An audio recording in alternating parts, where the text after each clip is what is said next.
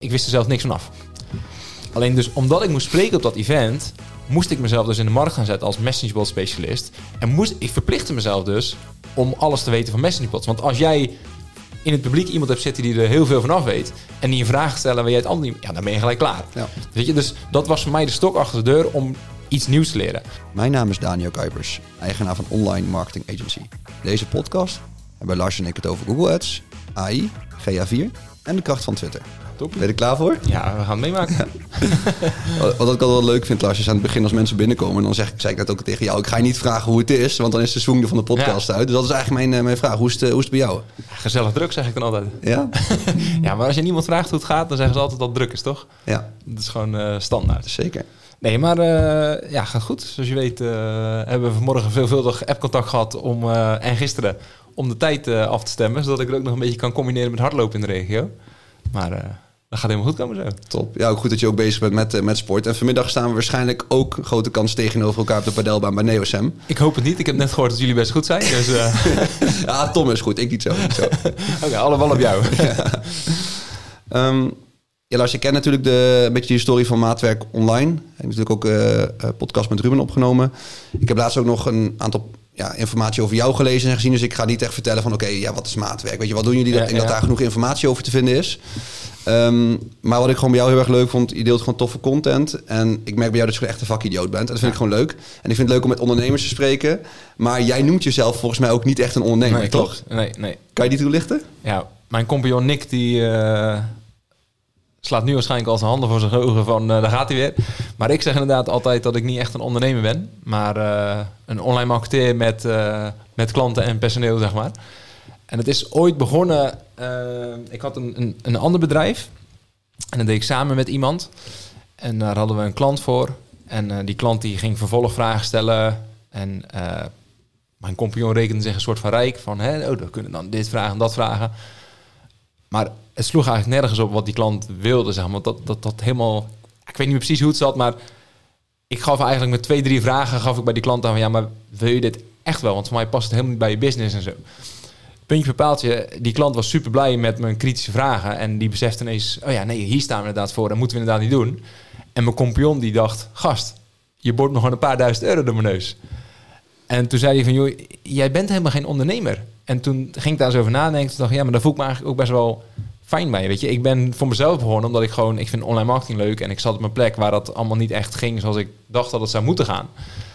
Dus toen ben ik gewoon, ja, online marketing gaan doen voor andere bedrijven, maar namens mezelf. En niet omdat ik wilde ondernemen, maar omdat ik online marketing gewoon zo leuk vond. En ja, dat heb ik eigenlijk altijd een beetje gehouden. En ook als je nu kijkt bij Maatwerk Online, ik doe dan inderdaad twee compagnons, Nick en Ruben. Eh, tuurlijk, weet je, we hebben discussies en over de business eh, hebben we contact en discussiëren we. Uiteraard hoort erbij. Alleen waar ik wel de meeste energie voor krijg, zijn gewoon de vakinhoudelijke dingen, zeg maar. Dat, dat levert mij meer als het ondernemen, ja. Ja, dat, voel, dat voel ik ook in eigenlijk alle content die je deelt en de dingen die je ook doet. Ja, ja ik, ik deel ook eigenlijk alleen maar content over online marketing gerelateerde dingen. Ja. Niet over inderdaad het ondernemerschap of Nee, de, nee, de niet echt.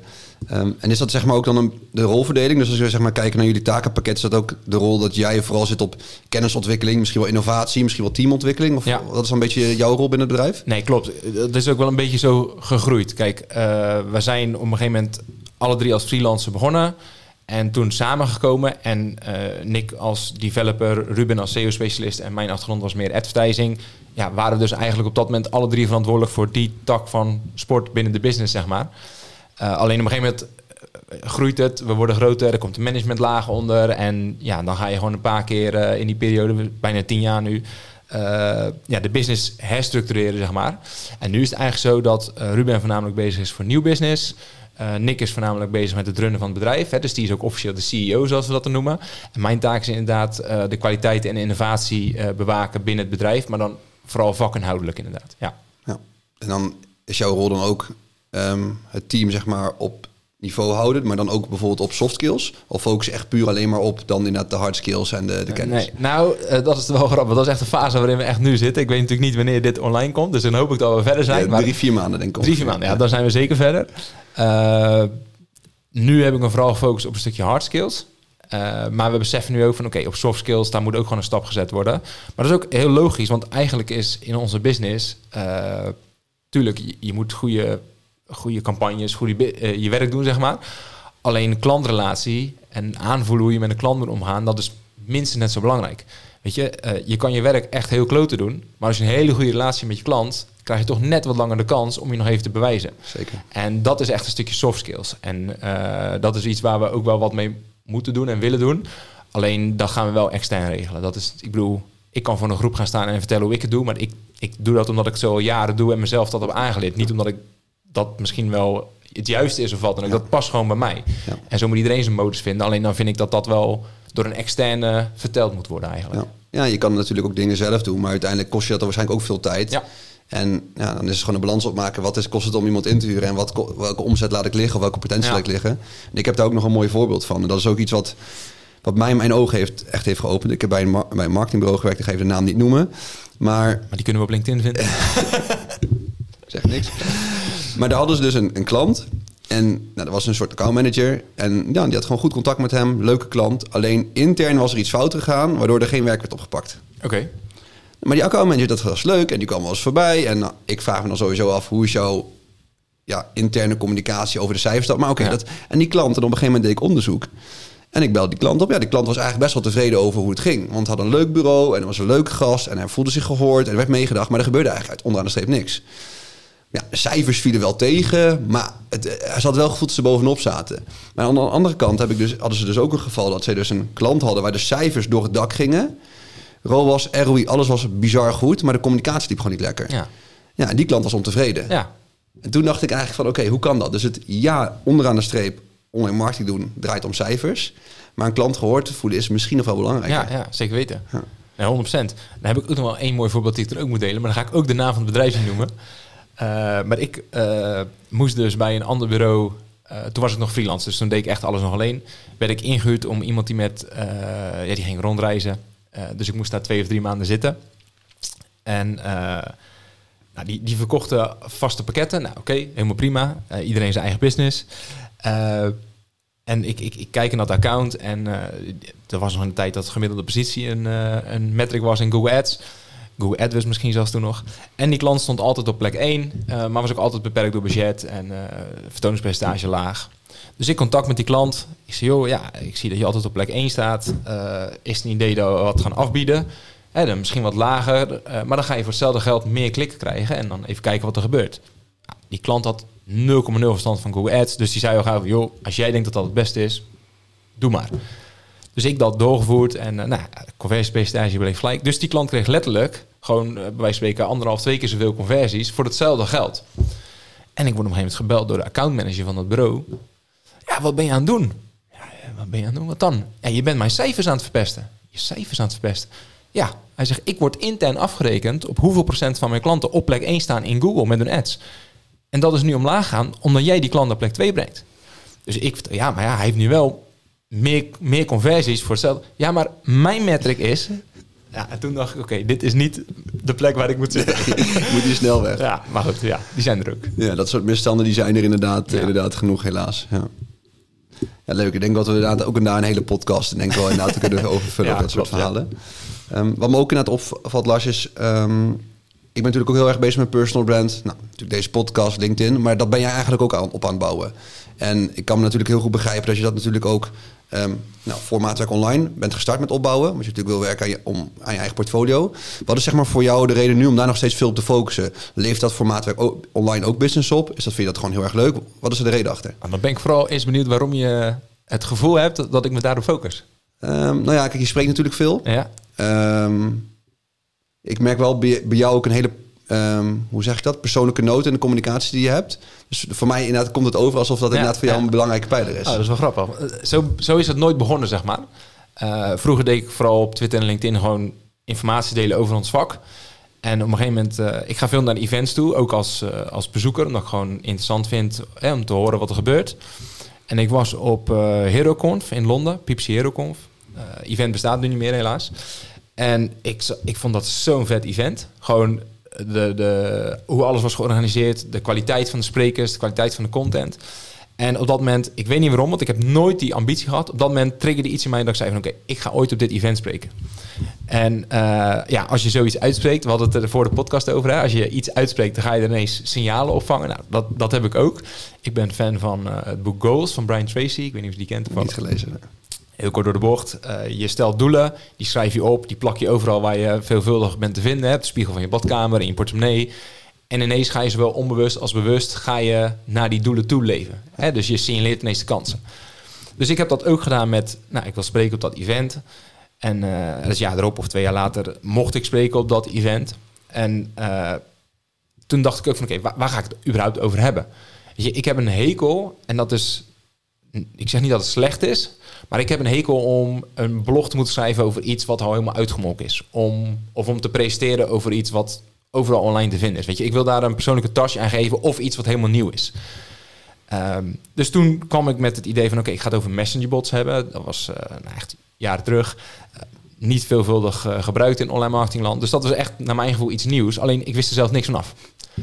Alleen dus omdat ik moest spreken op dat event, moest ik mezelf dus in de markt gaan zetten als messengerbot specialist. En moest, ik verplichtte mezelf dus om alles te weten van messengerbots. Want als jij in het publiek iemand hebt zitten die er heel veel van af weet en die een vraag stellen waar jij het ander niet, ja, dan ben je gelijk klaar. Ja. Weet je, dus dat was voor mij de stok achter de deur om iets nieuws te leren. En dat beviel me eigenlijk zo goed dat ik dat eigenlijk op die manier altijd heb aangehouden. Dus ik heb ook presentaties gegeven over GA4, cookies die weggaan, noem maar op. Altijd over dingen die nieuw zijn of waar ik nog niet veel van af wist. En dat was gewoon mijn stok achter de deur. Ik ga daar gewoon heel goed in worden. En ik, ik moet ook wel, want ik sta over twee maanden sta ik op een event voor uh, zoveel honderd man, moet ik erover praten. En op een manier is mij dat bevallen. En uh, ik vind het leuk om te doen. Maar het is dus ook gewoon een stukje kennisontwikkeling. Het is niet dat ik per se aan personal branding wil werken. Uh, het is wel mijn komstigheid, want overal waar ik inderdaad kom, dat zal je ook hebben gehad met het IMU-event. Weet je, je, je, netwerk breidt uit, je haalt de business uit. Ja, dat is natuurlijk altijd mooi meegenomen. Maar het, ja, het is echt van oorsprong gekomen, echt gewoon een stukje kennisontwikkeling. En uh, ja, ik wilde die drijf hebben om af en toe ergens te spreken. Leuk. En ook natuurlijk ook buiten je comfortzone. Ik heb dan inderdaad bij IMU gesproken. ja, ik weet niet hoe jij, hoe jij was, maar ja, ik vond vroeger echt voor de klas staan verschrikkelijk. Ja, maar hoe vaker je doet, hoe makkelijker het wordt. Dat is zeker waar. Dat is zeker waar. Ik ging de eerste keer naar... Uh, toen, mijn eerste event dus... Uh, serieus event, laat ik zo zeggen. Dat was dus HeroConf inderdaad. En mijn collega Simeon ging toen mee. En we zaten met z'n tweeën... Het was in Londen met z'n tweeën op de hotelkamer. En hij ging uh, de avond daarvoor de kroeg in Arsenal kijken. We zijn allebei voetbalfan. Maar ik zat op de hotelkamer alles in mijn kop te dreunen, weet je wel. En nu, als ik op een event ben, weet je... Ja, doe ik dat helemaal niet meer. Want ik, ja, ik maak mijn presentatie en een uur voor de presentatie uh, ga ik nog een keer door mijn slides. Maar ja, dat is gewoon gewenning en het, het, zit erin, zeg maar. En je gaat er gewoon vanuit dat jij bent de specialist. Ze gaan naar jou luisteren, weet je. Dus ja, waar maak je je zorgen om? Alleen dat is wel, je zegt. Ja, ja, het is wel een kwestie van vaker doen dan, zeg maar. Ja, ik merk dat heel erg bij de IMU, want... Um, maar hoeveel mensen zaten er bij IMU in de zaal? Ja, 500 ongeveer. Oké, okay, okay, ik dacht meer. Ja. Dat was voor mij wel echt flink. Want ja, maar dat is toch ook flink? De grootste groep was voor mij zeg maar 30, 40. Ja. Maar wat wij, ik ga ook volgende week een podcast opnemen met, met Jan. Die heeft mij zeg maar geholpen met presentatieskills. Okay, omdat dit voor mij echt het eerste grote event was. Alleen wat ik op een gegeven moment merkte is dat... Um, ik heb eigenlijk mijn hele leven lang gehad, bijvoorbeeld voor examens, dat soort dingen, was ik al zenuwachtig altijd. Het is me wel eigenlijk alles is me wel goed afgegaan, maar ik was altijd heel zenuwachtig. Ja. En bij de e-mail had ik op een gegeven moment, ik ben toen nog een week op vakantie gegaan, ik had een soort natuurlijke rust over me heen. Ik dacht van, ja, ik heb het, ik heb het zo goed in mijn hoofd zitten. Ik Ja. heb alle ins en outs. Ik weet er zo, en dat geeft wel een bepaalde rust. En dat had ik nog nooit gehad. Ja, maar dat is natuurlijk ook wel heel relaxed. Maar dat komt natuurlijk ook, want je sprak natuurlijk over SEO. Ja, daar weet je alles vanaf. Ja. Weet je, dus dat, ik denk als je over iets gaat presenteren wat ook nieuw voor jou is, waar je het nog nooit eerder over hebt gehad, dan is het ook wel heel anders. Maar dit is, ja, dat is toch alleen maar goed. Je hebt het gewoon echt goed aangepakt dan. Ja, ja daarom. En wat ik wel leuk vond, en dat was, uh, er, zijn, er zaten ook een aantal SEO-specialisten in de zaal. En dan kwam op een gegeven moment iemand naar me toe, hey Daniel, uh, leuk verhaal. Alleen, ja, ik, ja kijk, ik heb er niks van opgestoken. Ik zei, en toen zei ze daarna van, ja, alleen ik vond jouw verhaal wel een beetje ouderwet, zeg maar twee jaar oud. Ik zei, ja, je hebt helemaal gelijk. Toen zag ik even een aarzeling in oog. Zie, kijk, de doelgroep die, die, waar ik op voorbereid heb, is een freelancer, uh, bijvoorbeeld een coach. Is een beginnende ondernemer of een beginnende marketeer. Ja. Ja, en ik heb ook alle websites geanalyseerd. Ik had, er zaten 500 mensen in de zaal. 90 mensen hadden toestemming gegeven voor marketingdoeleinden om het mailadres te delen. Dus die had ik ook gekregen. Ik heb al die websites doorgekeken. Als ik het daar ging hebben over...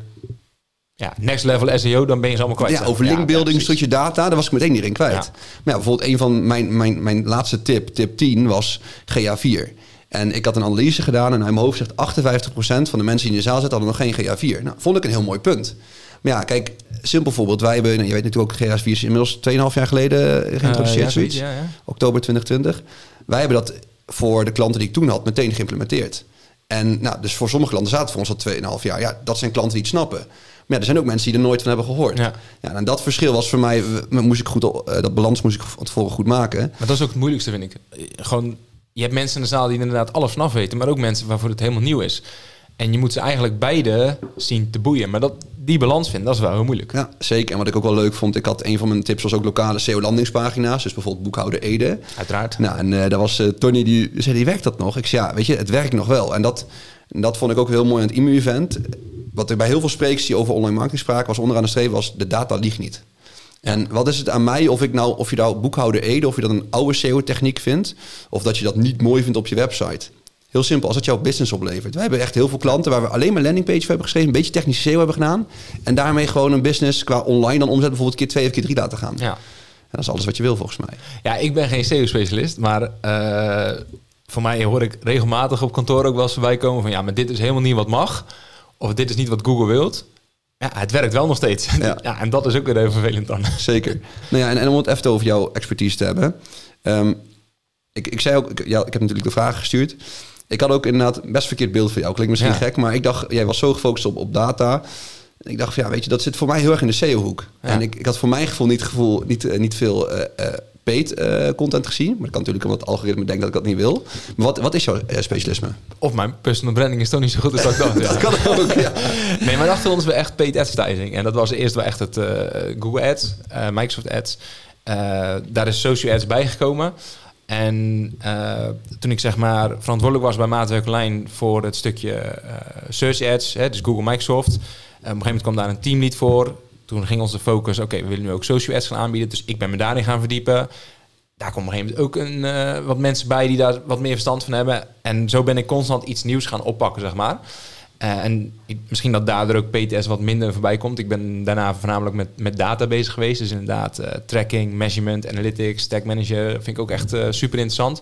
Dus ik denk dat daar nu wat meer de focus op ligt inderdaad. Maar het is ook maar net wat er voorbij komt. Eh, weet je, pas dat je het Google Marketing Live event... en dan worden dan weer nieuwe dingen voor PTS aangekondigd. Ja, dan, dan zit ik daar weer eventjes in. Eh, dus ja, dat, dat zal het mee, eh, mee te maken hebben gehad. Maar qua SEO, ik, wat, wat Ruben, waar je ook de podcast mee hebt gehad, eh, wat team heeft verteld en, en geleerd, dat weet ik. En dat kan ik ook prima met ondernemers overleggen. Maar ga me geen SEO-analyse of strategie vragen, want dan ben je me kwijt. Snap ik. Nee, maar het leuke is, ik ben zelf ook echt wel data gedreven. Inderdaad, GFI heel diep ingedoken. Server-side tagging, inderdaad heel veel dingen van jou, die ken ik ook gewoon. Dat is ook heel tof. Maar wel het gave is dat de dingen die je net noemde, is wel overkoepelend. Dus of je het nou over SEO hebt, Ja. of je het nou over social ads hebt, of over paid, of over e-mail. Tracking is overal belangrijk. Ja, ja, is overal belangrijk. En zeker de afgelopen jaren, eh, dat weet jij natuurlijk als geen ander, maar voor heel veel mensen die de podcast luisteren, hebben daar wat minder kennis van. De afgelopen twee, drie jaar is er heel veel veranderd qua AVG, qua cookies. Wat wel mag, wat niet mag, wat er binnen Apple gebeurt, wat er binnen Chrome gebeurt. Dus het wordt, wordt een heel ander spelletje aankomende jaren. Heb je eh, de Apple eh, iOS 17 update ja, gezien? zeker. Ja, ja. We blijven lekker doorgaan. Ja, ja. Het leuke is, die, ik vertelde net ook dat, eh, dat we de podcast hadden opgenomen met Chris. Daar kwam het ook even naar voren met de UTM's. ja. Ja, dat wordt ook echt een uitdaging. ja, zeker weten. GCLD-codes, Google Ads. Ja, ja, ik ben echt heel benieuwd hoe dat inderdaad eh, dat gaat. Ehm, verder vond ik het nog even leuk om ook over jou persoonlijk te hebben. Want ik las ook ergens dat jij een sportieve muziekfreak bent. Nou, je wilde net al even hardlopen voordat je, Ja. voordat je hier in de buurt was. Kan je dat nog even toelichten? Ja, als ik niet sport, dan ben ik echt zagrijnig. Ja? Ja, ik moet echt, eh, ik moet echt veel bewegen.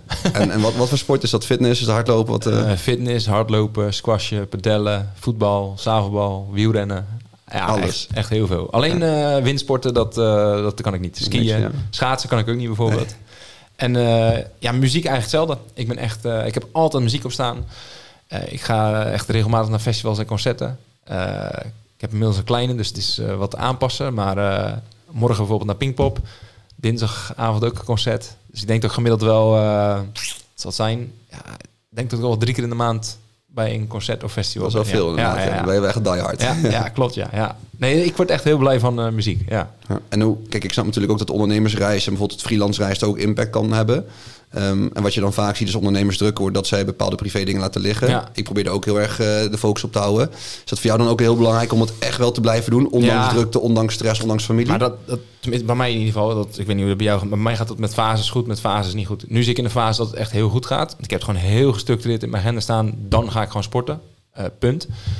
Eh, het is ook wel dat die kleine is soms heel vroeg wakker. Dus dan kan ik ook om zeven in de sportschool zijn, bij wijze van spreken. Of om zeven hardlopen. Daar is nu natuurlijk ook goed weer voor. Het is nu zomer.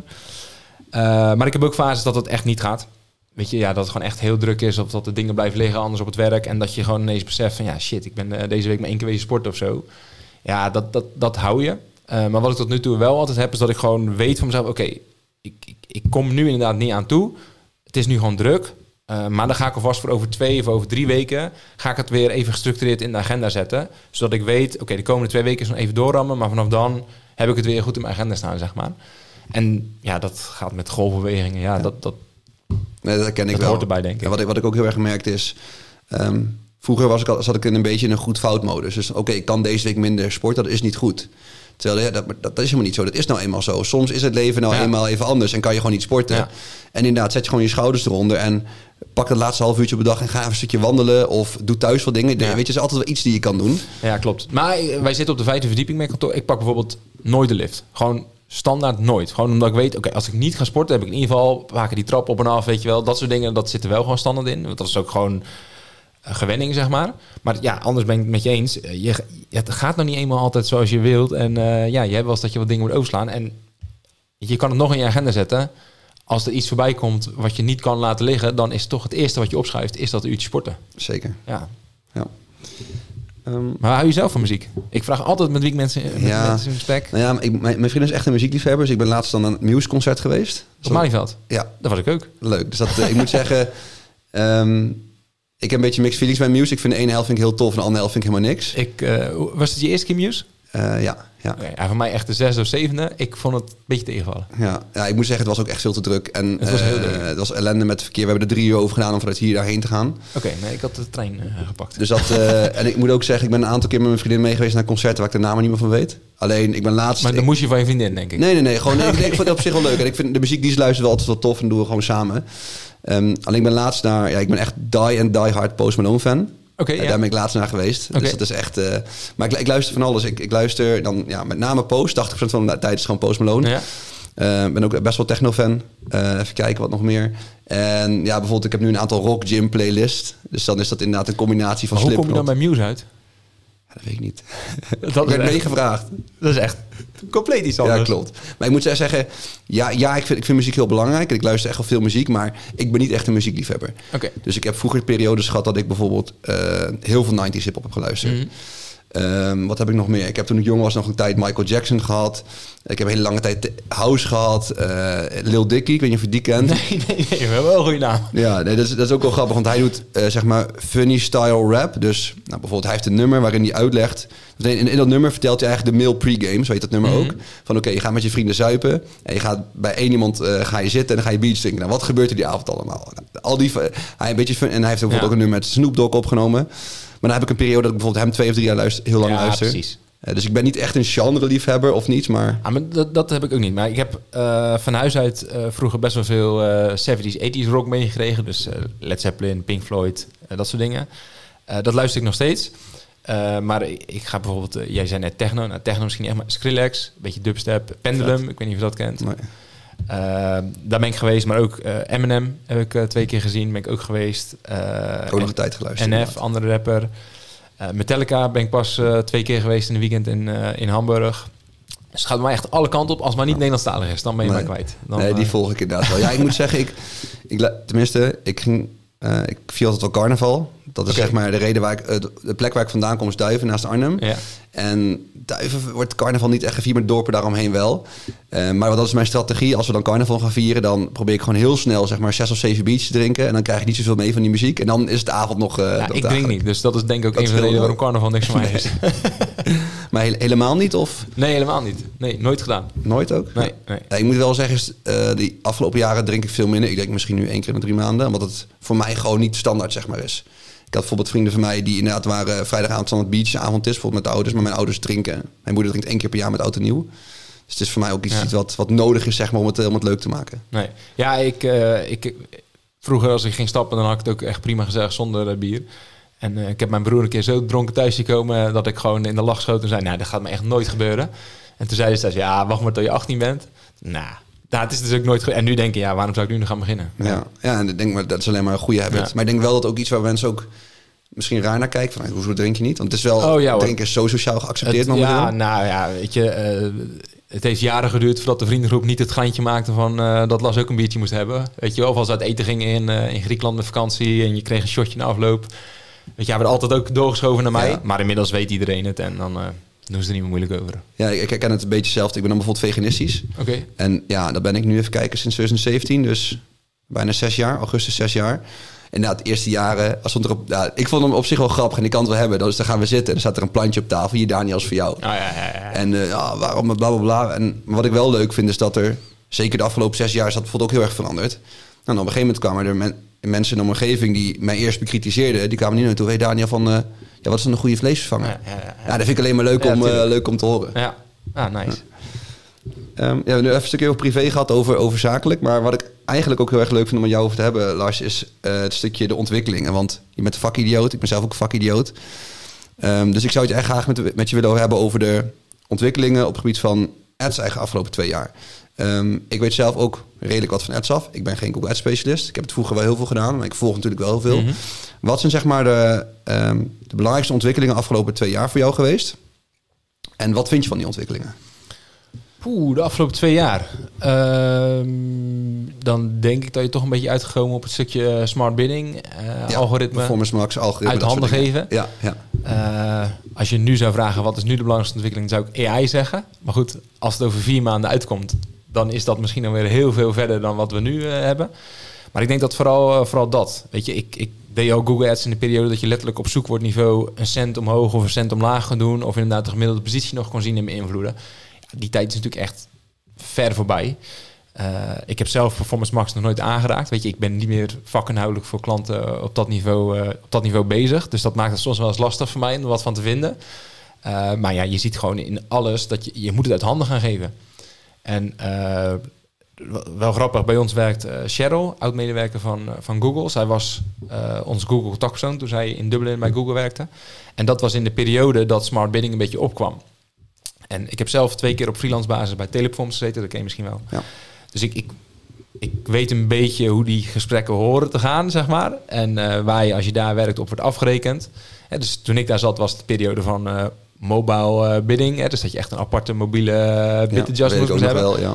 Dus daar werden wij een beetje op gestuurd als je contact had met een klant. En eh Cheryl pushte ons dus op, eh, hey, je moet smart bidding doen. Alleen ik, ja, ik wist natuurlijk, zij wordt afgerekend op hoeveel procent van je, haar portfolio zit op smart bidding. Dus ik, ik, ik zei gewoon, weet je, ik wil hem allerliefste testen. Alleen ik ga niet op smart bidding over als het voor mijn klanten niet beter werkt. Weet je, ja, puur om jullie te vriend te houden. Dat, weet je, Google betaalt mijn rekeningen niet, dat doen mijn Nee, klanten. Zeker waar. En eh, dat was echt in de periode dat we het gewoon ook bij alle klanten testen. En dat het gewoon ook, nou, ik ken de percentage niet, maar regelmatig was het gewoon niet beter. Weet je, handmatig bieden was gewoon nog steeds beter als smart bidding op dat moment. Eh, niet altijd, maar soms wel. Ja, dan ga ik ook niet over. Alleen, ja, die shift is de laatste jaren wel dusdanig dat je eigenlijk standaard gewoon al op smart bidding gaat zitten. En dat is gewoon, het algoritme is gewoon beter geworden. En je moet dat gewoon uit de handen gaan geven. Hè. Net als dat, eh, ik weet niet eens wie dat zei. Zat pas ook een podcast te luisteren, ging er ook over. Eh, dat je nu ook alles op eh broad match moet zetten in, eh, in Google Ads. Ja, er zijn gewoon dingen die gewoon, zeker als je wat langer in het vak zit, die, die druisen gewoon tegen principes in. Weet je wel, ja, vroeger konden we gewoon per zoekwoord aparte ad-sets maken, ad-copy daarop helemaal. Ja. Ja. weet je, je kan je, je hakken, hoe zeg je dat, je, in de, in de zand zetten van, zetten, ja. dat ga ik niet doen. Alleen, dit is nou eenmaal waar we in zitten. En ja, het werkt vaak wel het beste ja, omarm het, probeer ermee te gaan spelen en beweeg die kant op, weet je wel. En ik denk een beetje, en datzelfde is met AI. Als je nu AI niet gaat omarmen, of als je AI echt ziet als een bedreiging voor mijn baan, ja, dan heb je denk ik een probleem. Weet je, want we gaan wel die kant op. En dan kan je er wat van vinden, maar ik denk dat het beter kan omarmen om te gaan kijken, oké, hoe kan ik dat in gaan zetten om er meer uh, succes mee te hebben voor mezelf, voor mijn klanten, in plaats van echt tegen te houden, want je gaat het niet tegenhouden. Nee. En ik, ik denk dat dat een beetje de fase is waar we al in zitten de laatste tijd en nog meer heen gaan. Zeker Ja. met AI. Ja, ze- zeker. En dat, eh, ik denk dat AI echt een hot topic is. En ehm, vandaag de dag, op morgen gaat het waarschijnlijk niet heel veel impact hebben op je business. Maar inderdaad, een nieuwe campagnestructuur en bijvoorbeeld eh, Meta, zoals Facebook, heeft natuurlijk ook die ontwikkeling Ja. doorgemaakt. Ja, en dat is ook een, waarom ik bijvoorbeeld ook heel mooi vind. Ja, sommige mensen die prediken, ja, weet je al 20 jaar marketingervaring. Natuurlijk heel mooi. En dan snap je de golven. Ja, ja. Maar ja, ik heb ook wel eens een ad specialist gesproken die dan bijvoorbeeld, wat voor reden dan ook bijvoorbeeld één of twee jaar niet in het vak heeft gezeten. Is bijna niet meer te vergelijken met, eh, met toen. Totaal niet. Ik denk als jij, zeker met Google Ads, als jij een half jaar of drie kwart jaar helemaal eruit bent en je begint weer opnieuw, dan begin je echt opnieuw. Weet je, niet alleen de interface is anders, maar ook gewoon al de principes zijn gewoon anders. Ja. En natuurlijk als je gewoon een beetje marketing achtergrond hebt, dan snap je wel hoe bepaalde dingen werken of bepaalde ad copy. Maar vroeger zei ik altijd, Google Ads is echt niet moeilijk. Als je gewoon logisch kan nadenken en je weet hè, wat ieder knopje is en wat de mogelijkheden zijn, dan kom je echt heel ver. Alleen tegenwoordig is het wel wat ingewikkelder, zeg maar. Moet je er wel wat meer, eh, meer in zitten. Ja, ja. zeker. Maar wat we ook merken is dat het ook, wat je toen straks ook zei, kijk, die, ik, ik heb toen ook in de tijd ads gedaan dat het inderdaad ook eh, per zoekwoord een, een campagne Ja. was. Ehm, maar wat je net ook merkt is dat het, het, het, AI-monster is ook wat groter en wat logger, waardoor je ook minder snel conclusies kan trekken. En je hebt gewoon meer leertijd nodig. Je hebt die leerfase natuurlijk. Ja, maar dat vind ik ook wel grappig, want eh, het klinkt echt alsof ik een oude rot ben als ik zeg vroeger, maar eh, bijvoorbeeld data-driven attributie. Nu, als je een, een nieuwe conversie maakt in Google Ads, staat die standaard op het data-driven attributiemodel. Dat was vroeger ondenkbaar. Sterker nog, je was vroeger echt soort van trots en blij als jouw account in aanmerking kwam voor data-driven. Want dat betekent dat je dus genoeg data had verzameld, dat het algoritme met zekerheid kon zeggen, we kunnen op data-driven. Ja, het feit dat Google dan ineens overstag gaat en zegt vanaf nu is alles data-driven. Kijk, dan kan je denken van oké, het algoritme is slimmer, maar iets in mij zegt dan ook van oké, Google wil gewoon het algoritme sneller op de speed brengen door iedereen maar gewoon op data-driven te zetten. En dat was met smart bidding volgens mij precies hetzelfde. Ja, smart bidding is beter, dus vanaf nu moet je smart bidding doen. Ik geloof niet dat dat het geval was. Ik geloof wel dat ze daardoor veel sneller het algoritme van smart bidding hebben kunnen ontwikkelen. Alleen het is echt niet zo dat het op dat moment al beter was. Nee, nee, het is ook niet van een op de andere dag dat het verandert. Ja. En hoe, ge- hoe gebruiken jullie verder AI? Los even van bijvoorbeeld Google Ads, mag natuurlijk ook, maar ook binnen Maatwerk Online. Eh, ik hoor namelijk daar ook heel verschillende verhalen over. Wat, je, wat veel mensen vooral zeggen is dat met name de repeterende taken makkelijker worden gemaakt Ja. of overgenomen worden. Of bijvoorbeeld het research, maar dat er wel altijd een menselijke touch zit. Hoe, hoe doen jullie dat? Ik vind nog dat wij te weinig gebruiken. Maar ik moet je eerder bekennen, ik, ik zit nu toevallig in een eh, fase. Ik heb, eh, wat is het, een week of drie geleden was ik gevraagd door... mag ik bedrijfsnamen noemen hier of niet? Van mij wel. Eh, was gevraagd door Easy Toys om op hun eh, event, eh, Pink Friday, organiseren zij een half jaar na Black Friday, hebben zij Pink Friday. Om daar op dat event te spreken over AI in online marketing, hoe je dat moet inzetten. Dus toen ben ik er ook veel, veel dieper in gegaan, uiteraard. Weer een mooi voorbeeld van, ik, werd gevraagd voor dat onderwerp, dus ik moest me erin gaan verdiepen, want we deden er helemaal zoveel mee. Maar toen merkte ik al een beetje dat marketeers er nog niet heel veel mee deden. Ja, weet je, ChatGPT, eh ad-copy schrijven, eh, vertalingen, zoekwoordanalyse, dat soort dingen. En een paar weken geleden had eh, Peter Maas een PPC-event georganiseerd. Met een mannetje of 25, allemaal PPC-specialisten. En gingen gewoon brainstormen over een aantal dingen. Super tof. AI was natuurlijk ook een hot topic. En toen merkte ik ook al een beetje van... oké, iedereen doet eigenlijk een beetje nog het, hetzelfde... op een enkeling dagen later. En er is echt veel meer mogelijk. En eh, ik was op Digital Marketing Live pas. Was je Ja. ook geweest toevallig? Nee. En eh, daar waren dus wel wat ondernemers die er veel meer mee bezig waren. En dan puur online marketing gerelateerd. Maar dat waren echt wel hele toffe dingen. En misschien als ik ze nu ga vertellen dat de luisteraar over vier maanden denkt... hè, maar dit is toch standaard, hè? maar dan zijn we weer vier maanden verder. Eh, maar het internet screpen, koppelen aan ChatGPT voor sheets... en in één keer voor 40.000 artikelen metatitles en metadescriptions maken... of je hele campagnestructuur eh, exporteren naar een eh, bestand... wat je daarna in AdWords Editor kan uploaden... waardoor je voor eh 20 landen campagnes en adcopy en alles erop en eraan hebt. Ja, dat zijn wel dingen dat ik denk van wow, weet je... als ik vroeger voor 20 landen een campagne moest maken... dat kost me echt heel veel tijd. Ja. En dat, dat, dat kan nu ineens heel snel. Google Ads script schrijven, afbeeldingen genereren met AI. Ik weet niet of je de Adobe Firefly... ja, dat is, Dat is bizar. Dat is zo lijp. Ja. En dat zijn wel dingen die heel veel impact gaan maken. Ehm, maar ik heb ook collega's die denken van... hé, hey, dit, dit gaat mijn, mijn baan kosten. Eh, een fotograaf bijvoorbeeld kan ik me heel goed voorstellen... dat hij daar een beetje bang voor wordt. Alleen als je ziet de, de prompts die je nog moet geven... om tot goede resultaten te komen... als een fotograaf... als we even inzoomen op de fo- fotograaf... eh, als een fotograaf dat gaat omarmen... dan kri- krijgt hij eigenlijk alleen maar betere foto's. Uh, want die kan precies vertellen, oké, ik wil dit apparaat gebruiken, deze zoom, ik wil dat de verlichting zo is, uh, de, de, zon moet zo... Weet je, die weet precies waar hij normaal zijn foto's schiet, hoe of wat, kan hij dat nu gewoon als prompt meegeven, waardoor die foto's beter worden. En dan ga je echt wel verschil zien in kwaliteit. En dat is met, met alles, dat is ook hoe je ChatGPT gebruikt of wat dan ook. Uh, maar ik denk wel dat, ik weet even niet hoe jullie het gebruiken, maar dat toch zeker wel 80, 90 procent van de online marketeers nog meer uit AI-kanalen dan dat ze nu doen. Ja, Ik, ik, denk inderdaad dat ook dat soort percentages. En wij gebruiken het ook al steeds meer. Alleen wat je vooral merkt, en, en aan de ene kant heb je natuurlijk processen. Nou, jij hebt natuurlijk waarschijnlijk ook uit freelancen. Je hebt uiteindelijk bepaalde processen. En dan ga je een team bouwen, die gaan bepaalde processen volgen. Processen kan je ook niet vandaag op de dag aanpassen. Mensen moeten het ook zelf leuk vinden. En wat natuurlijk ook een belangrijk is, is, is het inderdaad bewezen dat het ook werkt. En, en dat is natuurlijk ook een lastige. Want je kan natuurlijk niet zeggen van we gaan vandaag of morgen compleet over voor die en die klant. Dus je moet het ook testen. Nou, dan moet je het meegeven. En, wat je ook zegt, is die prompt is gewoon heel belangrijk. En dat vind ik zelf heel erg interessant aan die AI-ontwikkeling. Beetje dit creatieve stuk wordt eigenlijk de belangrijkste variabele omdat dat hetgeen is wat het verschil gaat maken. Ja, maar wij zien nu bijvoorbeeld ook uh, in Google Ads, wij testen ook alles. Dus als uh, biedstrategieën doen gewoon experimenten opzetten bijvoorbeeld. Nou, hetzelfde dus met als we iets met AI doen. Dus ad-copy van onszelf, uh, experimenteren met ad-copy via AI. Maar daar zie je ook al verschil hoe je je prompt hebt ingesteld. in eerste instantie begin je met, oké, hey, dit is mijn klant, dit is de URL, dit zijn de zoekwoorden, kan je vijf advertentiestekst schrijven, punt. Uh, en daarna ga je persona's toevoegen. Hey, dit zijn de persona's. Zou je voor deze persona's deze tekst kunnen schrijven? En ineens ga je Cialdini toevoegen. Kan je rekening houden met de Cialdini-principes? En dan worden je prompts beter, maar de, out, uh, de output die eruit komt is ook steeds beter. En dat zie je echt wel terug in de resultaten die we in dat soort experimenten uh, hebben draaien. Ja, en het leuke is dan, stel je doet je eerste experiment, daar heb je learnings uit, die neem je mee naar het tweede experiment. Dus waarschijnlijk de standaard prompt of de, de standaard prompt waarmee je werkt, die worden ook steeds beter. Ja, ja, ja. En dat, dat merk je dat nu inderdaad is nu heel veel zoeken en heel veel proberen en kijken wat andere mensen delen. En je moet uiteindelijk toch zelf testen en dat zelf fine-tunen. En dat is ook soms lastig. En ja, jullie zijn natuurlijk ook in, in, in tien jaar tijd snel gegroeid. Ja, soms heb je ook niet altijd tijd voor innovatie. Terwijl het juist wel zo belangrijk is. Maar ja, daar heb ik dus ook best wel vaak discussies over intern. Uh, ik kan er dus niet bij met mijn hoofd dat als jij online marketeer bent en je ziet de mogelijkheden van AI en die moet iedereen, daar kan je niet omheen. Weet je, als je je LinkedIn opent, word je mee doodgegooid. Ik kan er dus niet bij met mijn hoofd dat je dan daar geen tijd voor vrijmaakt.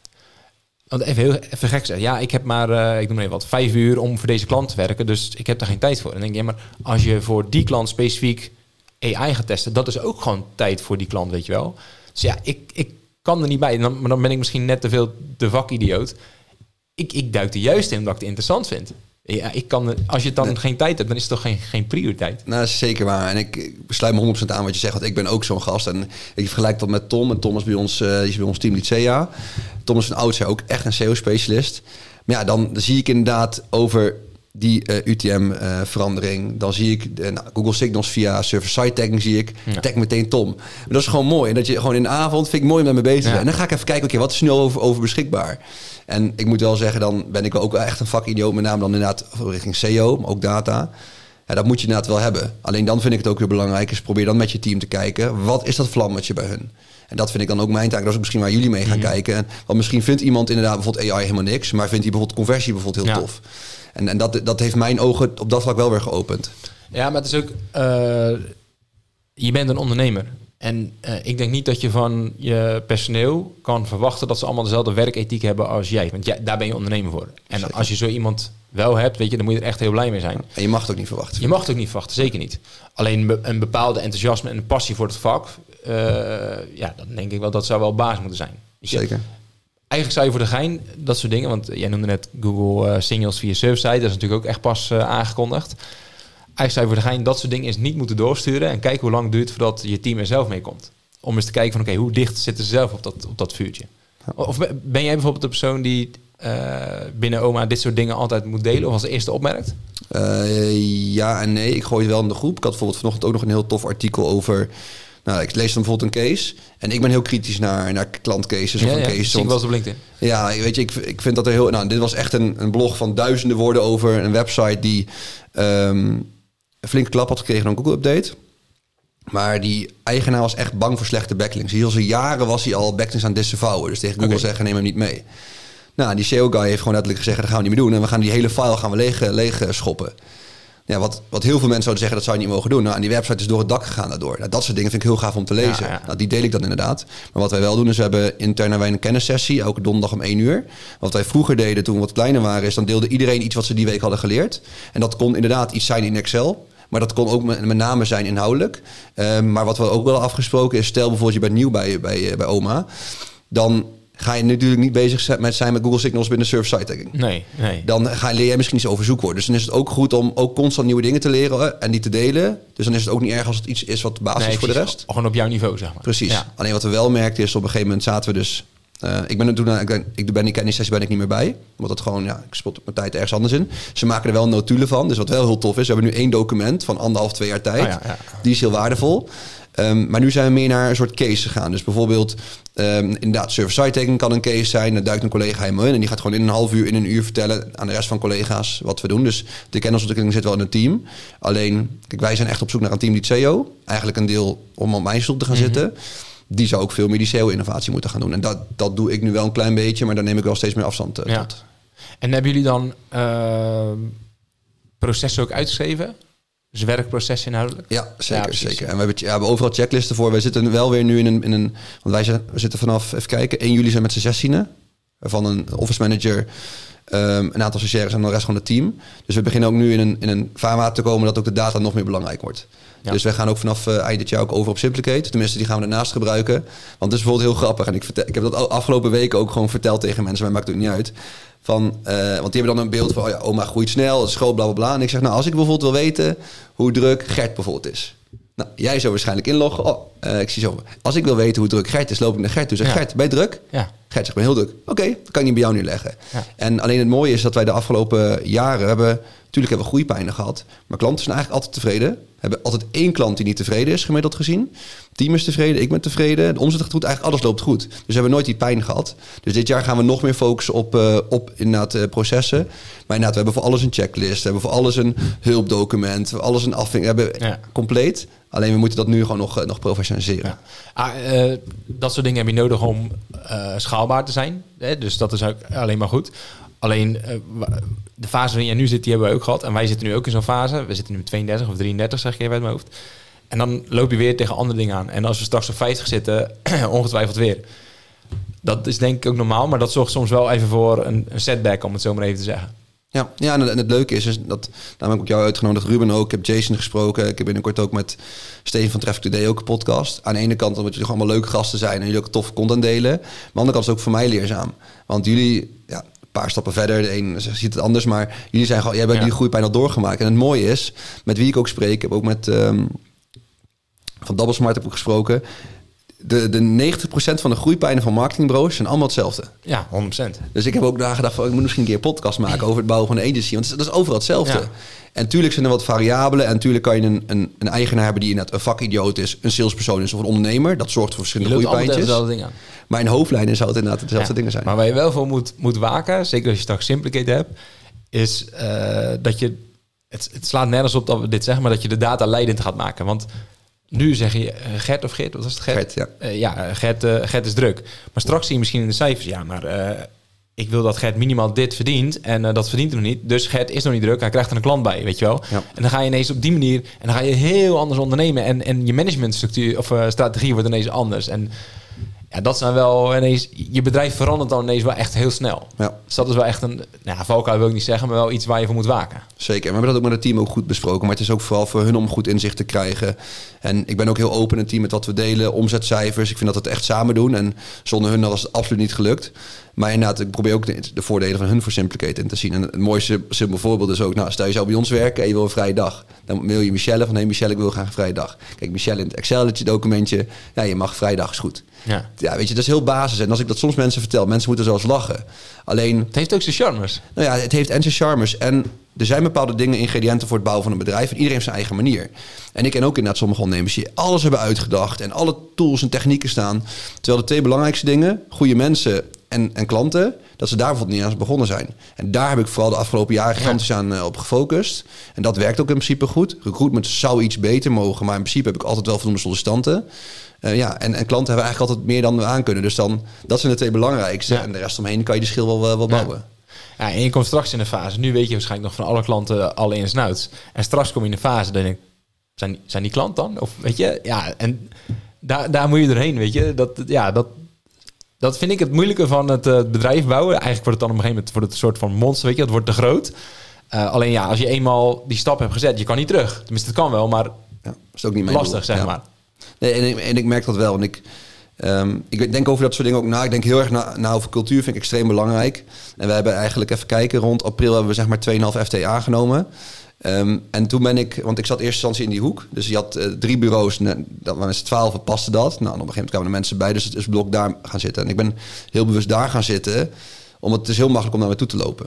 En mijn antwoord, bij 9 van 10 keer is mijn antwoord de afgelopen jaren: wat zou je zelf doen? Want ik neem mensen om een Ja, bepaalde ja, reden ja. aan. Dus ja, als, jij, als ik jou aanneem, geloof ik in jou. Dus heb ik liever dat je tien fouten maakt, maar dat je wel de essentie snapt.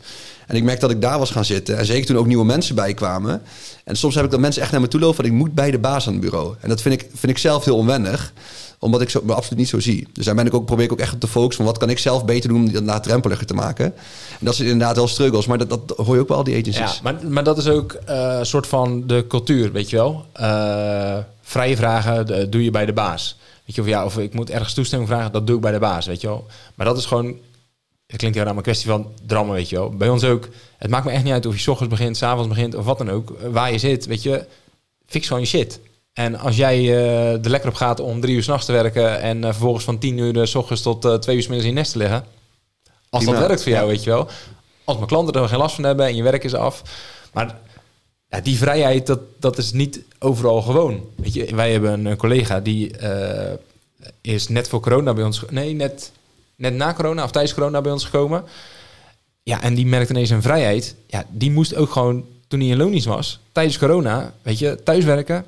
Nee, hij moest echt op kantoor zijn. En die zaten gewoon met z'n dertig op kantoor altijd. Want dat moest daar, weet je wel. En denk ik ook bij mezelf, hoe is het mogelijk, weet je? Maar ja, niet ieder bedrijf is zo. Nee, ja, ik ken laatst ook iemand die zei... Daniel, ik, eh, donderdag wil ik graag thuiswerken, want ik eh, moet de tandarts handiger. Ja, tuurlijk. Hoef je Ja. Dat, ik zei, dat hoef je niet vaak. Ik zei, ik wil wel dat je even deelt met Michelle. Bij ons, zet even een agenda, want dan weten mensen wel waar je Dat bent. ook, ja. ja. Vinden we prima. Maar inderdaad ook, en oh ja, of je dat een paar uur minder of meer werkt... Ja, Ja. ik lig daar echt niet wakker van. Nee, klopt. En, en dat is denk ik inderdaad ook... En dat vinden sommige mensen vinden dat wel lastig. Want ik heb zeker bij, bij bedrijven waar ik daarvoor heb gewerkt... eh, ja, sommige mensen, als ze beginnen, kunnen ze er heel veel moeite mee hebben. Zeker als ze alles moesten doorgeven. Ja, en ik heb inderdaad ook zoiets. En ook als jij... Ja, bijvoorbeeld laatst minute, laatst had iemand... Ja, ik zou heel graag naar zo'n event willen, dus overmorgen. Ik zei, nou weet je, als jij echt met je meetings goed uitkomt... En, en die meeting met die klant, die kan inderdaad een dag eerder of dag later. Ja, weet je wel, prima. Ja, je hoeft niet een drievoud en acht maanden van tevoren eh, af te geven. Nee, ik vind Nee. dat de oude manier van, eh van business doen, zeg maar. Ik denk ook wel dat corona daarbij heeft geholpen. Zeker. Dat eh, heel veel ondernemers ineens beseffen, oh, het, het gaat prima eigenlijk zo. Eh, maar ik denk dat er ook nog heel veel eh, ondernemers zijn die gewoon eh, op de oude stempel zitten van je komt naar kantoor en je werkt van 9 tot 5. En, Ja. Ja. Al moet ik wel zeggen, ik heb ook de andere kant van de medaille gezien. Ehm, mensen die alleen maar thuis werken, dat, daar geloof ik ook echt niet in. eh, snap ik, ja. Zeker ook heel simpel voorbeeld. Je hebt een leuke dynamiek. En je mist, je mist ook een bepaalde interactie en bepaalde updates. En ehm er was laatst zo'n bedrijf waar ik iets over had gelezen. En die werkte ook al allemaal thuis. Die hadden een of ander onderzoek gedaan. Maar ja, eh, Lars, ik heb een vraag. aan. Ja, schiet maar even iets in mijn agenda in. Zeg maar, de, de swing is er wel een je- beetje je- uit. Je, cultuur is weg. Ja. Ja, En nou ja, inderdaad, en soms is zo'n chit-chat over. Inderdaad, oh, eh, Lars, heb je gisteravond Google Signal Stack met je? Oh, leuk, Ja. ben ingedoken. Ja, dat, dat heb je niet meer. nee, nee, klopt. Dus, dus ik, geloof, ik geloof zeker in een, in een balans. Maar ik geloof ook zeker nog wel in, in gewoon op kantoor werken. Eh, en- maar dat is ook weer afhankelijk van wat je doel is. Kijk, wij zijn een, een snel groeiend bedrijf. We hebben ambitie, we willen dat samen doen. We willen van elkaar leren. Ja, dat, dan moet je eenmaal gewoon bij elkaar zitten. Ehm, niet altijd, maar er is wel een bepaalde vorm van samen zijn. Ja. Ander voorbeeld, wij hebben een collega, eh, wij werken ook met Sympicate, dus hè, de urenloggen worden daar ook in bijgehouden. Die zit gewoon standaard ieder weekend te werken.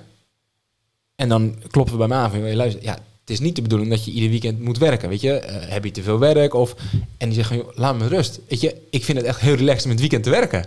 Weet je, ja, zo heeft iedereen zijn eigen modus, weet je. Maar je moet daar wel een beetje, ja, je moet een beetje bewaken. En vooral met bij elkaar komen qua cultuur is dat wel belangrijk. Ja, zeker. Nee, dat, dat in de gaten houden ben ik ook heel blij met Michelle dan. Omdat ik, ja, ik ben wel echt een mensenmens. Ik check ook bij iedereen in. Dus we doen altijd met ieder kwartaal doe ik een kwartaalwandeling met iedereen Ja. één op één. Om gewoon te vragen, hoe is het met je? Waar word je blij van? Wat zijn je hobby's? Maar Eh, dat is wel grappig, hè? want dat, dat, dat lukt nu nog. Maar doe je dat ook als je straks 50 man hebt zitten? ja, dat is de vraag. Aan de ene kant, het, het kan natuurlijk nog wel. Alleen dan ben je net elke dag met iemand aan het wandelen. Ja, dan ga Alleen- je andere dingen moeten laten liggen. Ja, zeker waar. Maar wat ik bijvoorbeeld nu ook doe, is dat eh, dat deed ik vroeger ook met de stagiaires. Nu doen de stagebegeleiders dat met de stagiaires. Ook gewoon puur om te kijken hoe dat is. Laten we gewoon een jaar doen en dan gaan we evalueren. Nou, toen kreeg ik inderdaad van iemand terug van... ja, ik zou het inderdaad wel heel erg leuk vinden om met Daniel te lopen. Maar inderdaad, het is wel, het is wel keuzes maken. Alleen dan wil ik inderdaad dat, dat mensen het wel onderling gaan doen met elkaar. Ja. Ik merk dat dat ook een hele belangrijke is. En ik, ik vind het gewoon heel erg leuk. Is, ik ben ooit gestopt met Instagram. Tenminste, ik had Instagram van mijn telefoon verwijderd. Ehm, en toen ben ik weer op meer mijn personal brand gaan bouwen. En toen gingen mensen me allemaal volgen. dacht oké, nu moet ik wel uh, even wat foto's verwijderen en het serieus gaan oppakken. Maar ik vind het wel oprecht leuk om te zien van... hé, hey, die gaat lopen met zijn hond. Hey, die zit in een voetbalteam, die heeft 3-1 gewonnen. Ja. Ik vind het wel heel erg leuk. En ik denk wel dat dat... Um, als ik dat al doe en dat, je zorgt voor die cultuur... dat iedereen daar ook in meegaat... dat dat inderdaad wel heel ver kan, uh, ja. kan schoppen. 100%, dat moet je ook zeker blijven doen. Hoor. Maar ik, ik probeer je een beetje te, te, te prikkelen. Want dat zijn ook van die stappen die wij door zijn gegaan sommige dingen die gewoon heel goed werken, ja, dat, dat gaat om een is gewoon niet meer schaalbaar, weet je wel. En als je inderdaad een bepaalde ambitie hebt om naar een x aantal mensen toe te groeien, of überhaupt te groeien, ja, dan, dan komen de momenten en denk je, ja shit, ik moet dit laten vallen, want het, het past gewoon niet meer. Ja. ja. dat is niet altijd leuk. Nee, nee en, dat, dat herken ik inderdaad ook wel. En, um, en dat is aan de ene kant een stukje um, je persoonlijke ding, met wat is jouw visie, wat is jouw visie op de wereld en op het businessbouwen van een bedrijf en waar moet je inderdaad heen. Ja. En dat kan inderdaad soms schuren. Ja. Want wat waren voor jullie met name de grootste pijnscheut of de groeimomenten die je doormaakte waar je tegenaan op voor maatwerk? Oeh, uh, even denken hoor. Ja, sowieso op een gegeven moment uh, goed inzichtelijk hebben van oké, hoe vol is iedereen? Hoe declarabel is iedereen? En daar moet je ook wat van gaan vinden. Maar ook gewoon het kwaliteit op peil houden. dus eh, echt, als de kennis bij bepaalde mensen zit, hoe zorg je dat die kennis verspreid wordt over het hele bedrijf. Of als je learnings hebt van klantrelaties of moeilijke gesprekken of wat dan ook. Hoe zorgen dat iedereen die learnings meekrijgt en je niet meerdere keren uh, dezelfde fout maakt binnen het bedrijf. En, en daar een structuur voor verzinnen, uh, dat, is, dat is lastig. Uh, en toch ook wel ja, de, cultuur bewaken inderdaad. waar sta je voor? natuurlijk ga je denken bij ieder bedrijf, nou, kliekjes wil ik niet zeggen, maar er zijn altijd mensen die liggen elkaar beter, zeg maar. Maar proberen dat te doorbreken, hè, dat iedereen met elkaar uh, overweg gegaan. En ja, dat zijn wel uitdagingen, ja. Ja, ja en, het leuke is, die zie je...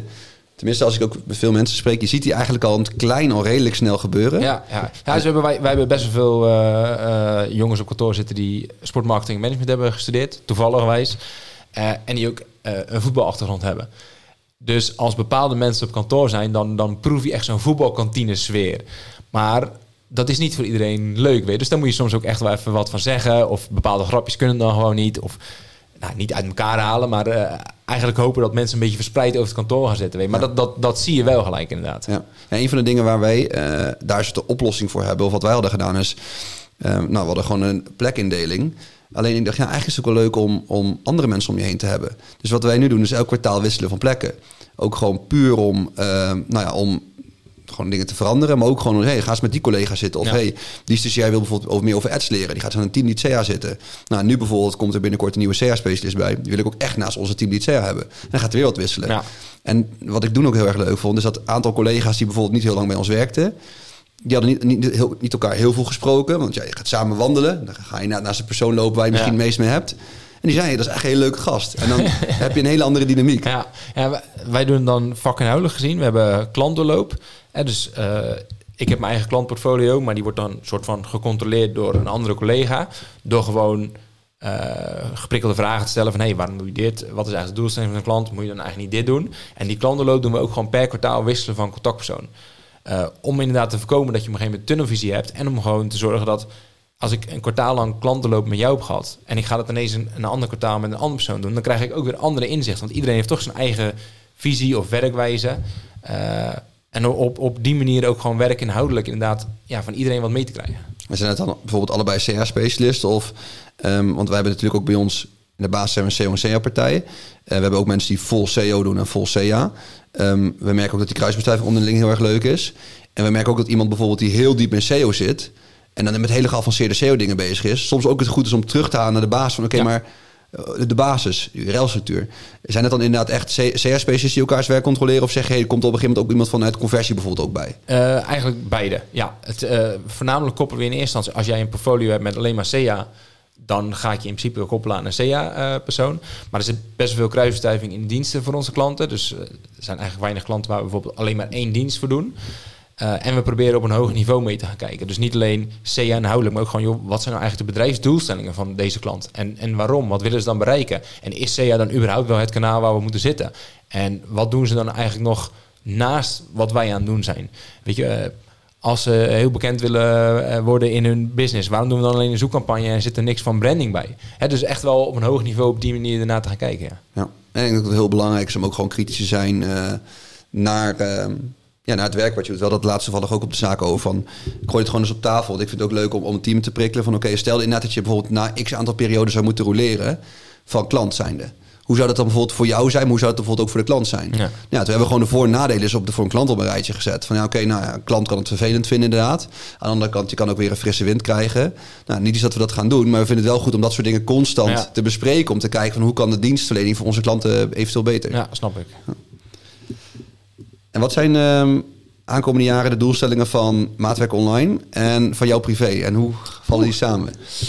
Um, nou, we hebben met Maatwerk Klein hebben we een soort BIAC uitgesproken dat we in uh, januari 2026 uh, willen we 100 man hebben zitten. Het verhaal erachter is niet dat we per se een bedrijf willen zijn met 100 man, maar we hebben een bepaalde visie waar uh, online marketing heen gaat. En we hebben het gevoel dat we voor bepaalde klanten pas kunnen gaan werken als we bepaalde diensten onder de knie hebben of van een bepaalde grootte zijn we hebben de ambitie om voor dat type uh, klanten te werken. Dus hebben we blijkbaar uh, die mensen nodig. Dus dat, dat, is eigenlijk een beetje het verhaal van Maatwerk Online. Uh, mijn persoonlijk is qua vakinhoudelijk wil ik altijd gewoon door blijven ontwikkelen. Dus ik ben van, zoals ik al zei, van CA naar social, naar meer wat, wat data en tracking gegaan. Nou, daar ligt nog heel veel heel veel nieuws en heel veel dingen die ik interessant vind. Zeker met alles wat er gebeurt op trekkinggebied. dus ik denk dat ik daar sowieso uh, op doorga. Ik wil altijd ieder jaar gewoon op uh, een paar events in het buitenland spreken. Dus ik uh, ben dit jaar in München geweest, op SMX. oktober ga ik naar Edworld Experience in Bologna. ik had Pipsy Hero Londen op de agenda staan, maar die is dus helaas eruit gehaald. Dus dat is jammer. Um, en ik heb uh, sinds, uh, is het, uh, bijna twee jaar een, een kleine. Dus mijn privé-situatie is sowieso iets veranderd. maar we hebben ook sinds kort een, een, huis in Spanje gekocht. en die kleine gaat nog niet naar school. Dus ik wil daar ook zo goed mogelijk van kunnen genieten totdat ze naar school moet. Dus daar zal een beetje de balans tussen liggen. Ja, vind je ook een mooie ontwikkeling. En hoe was dan het ondernemerschap en het ouderschap voor jou? Kijk, ik zit natuurlijk ook in een leeftijd waarin... Nou, een goede vriend van mij heeft een, heeft een kind gekregen, gaat steeds meer horen. Hoe was dat begin voor jou Ah, ik was de laatste in de vriendengroep hoor. Al mijn vrienden waren al getrouwd of al kinderen. Maar uh, nee, ik heb al heel lang een relatie. En uh, zij is net zo gek van festivals en concerten als ik. Dus uh, dat deden we altijd heel, heel graag. En weet je, het was nooit nodig om... Of tenminste, nodig is niet het goede woord. Maar we hadden niet die behoefte op dat moment. Alleen op een gegeven moment komt hij er wel. we hadden dan een dochter die zeven weken te vroeg is geboren. Dus we hebben best wel lang in het ziekenhuis moeten zitten... met alle toeters en bellen erbij dan heb je het voordeel van ondernemer zijn. Want ik kon letterlijk direct alles laten vallen. En mijn compagnons hebben het helemaal geregeld. En ik heb gewoon... Ja, ik heb twee weken of twee maanden hebben we in het ziekenhuis of thuis met de ziekenhuiscontrole gezeten. Gewoon echt praktisch niets hoeven te doen. Dus dat is, dat is echt het voordeel. En als je in lonisch bent, is dat wat moeilijker. Uh, en daarna kan je gewoon heel makkelijk je agenda's daarop aanpassen. Weet je, dan hebben we ook het voordeel dat we natuurlijk in principe alleen deze jongen nodig hebben om, uh, om te werken. Dus het is heel makkelijk om die even erbij te pakken. Uh, maar dat is eigenlijk heel, uh, heel goed bevallen. Want als ik uh, denk van nou, ik wil s ochtends met die kleine wat gaan doen. Dan ga ik s ochtends met die kleine wat doen. En dan ga ik s'avonds wat werken als ze op bed ligt. of als ze smiddags... bijvoorbeeld als we in Spanje zitten... doe ik heel vaak s ochtends mijn meetings. gaan we met elkaar lunchen. Gaat die kleine slapen. Doe ik me heel erg werken. En als ze wakker is, dan ben ik gewoon heel de middag en de avond met die kleine bezig. En als ze dan s'avonds naar bed gaat, dan doe ik mijn mail weer een beetje bijwerken bij spreken. Dus die balans is dan weer heel makkelijk te maken. Maar ik besef me ook wel dat ik dan in mijn handjes mag knijpen eh, dat dat ook kan, Zeker, zeg maar, in ja. ons werkgebied. En als je in lonisch bent, is dat, ja, dat is eenmaal zo wel wat moeilijker. Zeker. En is het ook dan hoe een gemiddelde dag voor jou eruit ziet? Want um, ja, je gaf al aan je een bepaalde verdeling in, het, in een organisatie. Wat is dan zeg maar jouw dag tot dag rol? Um, nou, mijn gemiddelde dag, ik denk, uh, het liefste ga ik ochtends uh, gelijk even sporten. Dan heb ik dat uh, gehad en zit ik de rest van de dag lekker in mijn vel. Je hebt altijd, altijd wat meetings. ik heb sowieso met collega's heel vaak op innovatie dat we klanten lopen hebben. Dus niet zozeer hoe gaat het, waar lopen we tegenaan. Of wat ook maar echt, oké, wat kunnen we nou voor echt out of the box bedenken voor deze klant om bepaalde doelstellingen te halen. Of nieuwe technieken verzinnen, zeg maar. Dat zijn denk ik het merendeel van, van mijn meetings. Veel blogs lezen. Op events zijn, op de hoogte zijn van, uh, van wat er speelt. maar het beurt wat. We hebben pas ook onderling de, de, de compagnons functioneringsgesprek gehad. En mijn compagnon Nick, die, die gaf mij als, als, als compliment mee... hoe druk je ook bent, Jij zet altijd een vier uur je laptop dicht om in de auto te stappen naar huis te gaan, zodat je om vijf uur thuis bent om met die kleine te eten en te kunnen helpen op bed. Dat vind ik ook echt belangrijk. Weet je, ik vind het ook gewoon als ik heel dag op kantoor ben, om vier uur stap ik gewoon in de auto. Dan ben ik meestal half vijf, kwart voor vijf thuis. Vijf uur uh, eten maken, met die kleine samen eten, helpen om die kleine op bed te leggen. Nou, met een beetje mazzel ben dan om zeven uur, half acht uh, is dat ritueel ook weer gehad. En dan kan ik nog van alles doen, zeg maar. Maar het gaat mij gewoon niet gebeuren dat ik tot half zes, zes uur op kantoor zit. Dat ik thuis kom, dat ik nog net wat rustig kan roepen naar die kleine en that's it. Weet je, dat, ja. Nee, dat is ook heel, heel goed, juist als ondernemer zijn, maar überhaupt om gewoon een aantal non-negotiables zeg maar, te hebben. Dat is wat ik doe. Ja. ja. En dan inderdaad, ik denk dat, dus even een aanname, dat misschien sporten iets meer een non-negotiable was voor jou voordat je een kind kreeg. Ja. Nou ja, en, en, dat is natuurlijk ook een hele logische stap. Dan gaat sporten naar twee familie op één. Ja, en ik denk dat dat wel heel goed is om, om voor jezelf uit te zoeken van wat, is heel goed voor me om te doen, zowel fysiek als mentaal. En wat moet ik echt blijven doen? Ja. Als je die dingen gaat versloffen en inderdaad je hebt een drukke week en je zorgt niet thuis en het gaat thuis wat minder, dan stapelt het snel op. Nee, klopt. En uh, inmiddels, weet je, door ervaring weet je ook gewoon, ik heb dat sporten gewoon nodig. Weet je, dus dat is gewoon, uh, dat moet ik gewoon af en toe doen. Uh, maar dat is ook wel soms een uitdaging, want naar mijn beleving had ik dat dan goed geregeld. Hè? Dus ook met collega's van hey, als ik in het buitenland zit, s ochtends kan, ik, kan ik meetings doen, kan je het gewoon inplannen. Uh, smiddags werk ik dan niet. Je kan me gewoon een Teamsbericht sturen of een mail sturen. Daar kom ik dan s'avonds op terug. Ja. Beurt wat er beurt. Dus ik had dus altijd heel de ochtend uh, ruimte voor meetings. En als je mij een bericht stuurt, had je diezelfde dag altijd nog een reactie. Maar dan merk je toch wel met een beetje feedback op een gegeven moment ook van collega's die dan ja, ik vind, ik vind het moeilijk, want je bent druk of je bent niet altijd bereikbaar. Weet je, dus dan had ik het voor mijn gevoel best nog goed geregeld. Of een collega die gewoon zei, ja, ik denk dan, als ik in het buitenland zit bijvoorbeeld, is dat ook mijn ritme in het weekend. Dus dan zit ik ook op zaterdag en zondag te werken. Ja, eh, prima, weet je. Eh, maar als ik jou op zondag een berichtje stuur, via mail of wat dan ook, moet je daar, moet je daar niet op reageren. Maandag wel. Ja, weet je, dus uh, ja. Maar dan heb ik een collega die zegt, ja, maar ik voel me dan een soort van verplicht als jij me mailt dat ik er ook diezelfde dag aan moet reageren. Weet je? Dus dan kom je in hele andere discussies uit. Uh, ja. Maar, ja. Ik had laatst ook met, met Gert inderdaad. Die had ook... Uh, ik stuurde hem een berichtje. En ik zag hem altijd wel zeg maar op niet storen staan. Dus ik denk, die zit er niet te werken op een gegeven moment stuur ik hem inderdaad een berichtje. Maar dan is, heb ik, ik werk ook gewoon in het weekend, de ene keer of meer de andere. Dan vind ik inderdaad gewoon fijn om als ik een, idee heb of ik wil iets even kwijt, dan kan ik door. En hij reageerde. Ik zei, eh, je zit er niet in het weekend te werken. Nou, nou, hij had hem inderdaad op zijn telefoon staan. Ik zei, kijk, ik, vind het ik ga je niet verbieden of het verplichten. Dat ga ik niet doen. Ik zei, ik wil wel dat je erop let. Dus als je dan inderdaad gewoon weekend gaat vieren, zet hem gewoon op afwezig of niet storen. Dat je ook geen berichtjes krijgt.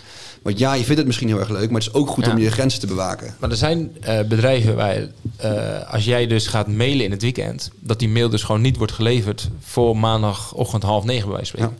Dat is eigenlijk wel het beste. Vind ik heel goed. En, het leuke is ook nog eens, dat je zit natuurlijk hier in de Bijbelbelt. We hebben ook een aantal klanten inderdaad die ook uh, gewoon voor christelijk zijn. Ik hou daar wel rekening mee. Ik vind het, ik ja, wel, een, wel, een, stukje respect. Ja, snap ik. En je, moet, je moet er wel het over nadenken. En ik weet zeker dat mijn team of niet iedereen in mijn team daar niet direct over zou nadenken, wat ook weer logisch is. Maar inderdaad, in die ideale situatie zou die inderdaad gewoon op maandag om uh, acht uur in het ja, uh, mailbox moeten zitten. Kijk, ik weet het omdat ik die klein heb, maar uh, Babypark, die website is gewoon op zondag niet bereikbaar. Je kan gewoon geen bestellingen plaatsen op zondag. Ja, je kan er wel van vinden, maar ja. het is wel bizar eigenlijk. Ja, ja en dat komt alweer terug op wat we net ergens zeiden. Gewoon een non-negotiables. Als, dat is, als dat die normen en waarden veel belangrijk zijn, natuurlijk helemaal prima. Ja, ja zeker weten. Um, Lars, ik wil eigenlijk nog even een paar dingen met je doornemen. Um, ga met name even over UA, server-side tagging, GA4, dat soort dingen. Um, wat zijn voor jou de belangrijkste manieren uh, mensen, nieuwsbrieven om op de hoogte te blijven? Ik heb er zelf inderdaad een aantal op, op LinkedIn. Nou, die zijn jou allemaal bekend, die volg je waarschijnlijk ook allemaal. Dat helpt mij heel erg. En dat is voor mij eigenlijk altijd nummer één. Dus als je gewoon altijd op de date wil blijven, moet je gewoon die vier, vijf gasten volgen. En je bent altijd op de date. Welke manieren gebruik je nog meer om ja, echt op, ja, on top of je game te blijven, zeg maar. Ja, bij mij wat meer Twitter dan LinkedIn. Ik heb op Twitter heb ik gewoon een lijst van een aantal mensen uh, of uh, bedrijven die ik volg. En uh, een paar keer op een dag dan open ik gewoon die, die lijst, lees ik de tweets door. En op het moment dat ik denk, hey, die moet ik later eens lezen, dan markeer ik die als favoriet. En dan eens in de zoveel tijd, dan open ik gewoon mijn lijst met alle tweets die ik heb opgeslagen als favoriet. En dan ga ik ze één voor één door. Dat werkt voor mij beter als LinkedIn, maar uiteraard doe ik op LinkedIn ook Maar doe ik ook hetzelfde. Ik, ik scroll mijn nieuwsfeed en ik sla iets op. En later ga ik terug naar mijn opgeslagen berichten om ze door te nemen. Dat ik wel echt de tijd ervoor kan nemen, zeg maar. Uh, maar ook events. Uh, ik ga echt heel vaak naar events. Uh, zo binnenland als buitenland. En eigenlijk als ik daar ben met de mindset van... oké, even los van het netwerken... als je één of twee inzichten eruit haalt waar je wat mee kan... dan is het waardevol. En die haal je er eigenlijk altijd wel uit. En je merkt ook vaak hoe druk je ook bent. Als je op zo'n event bent, dan kom je ineens uit je tunnelvisie... en pak je allemaal weer signalen op die je eigenlijk misschien al eerder had op moeten pakken... maar door je, je drukte en je tunnelvisie zag je het niet.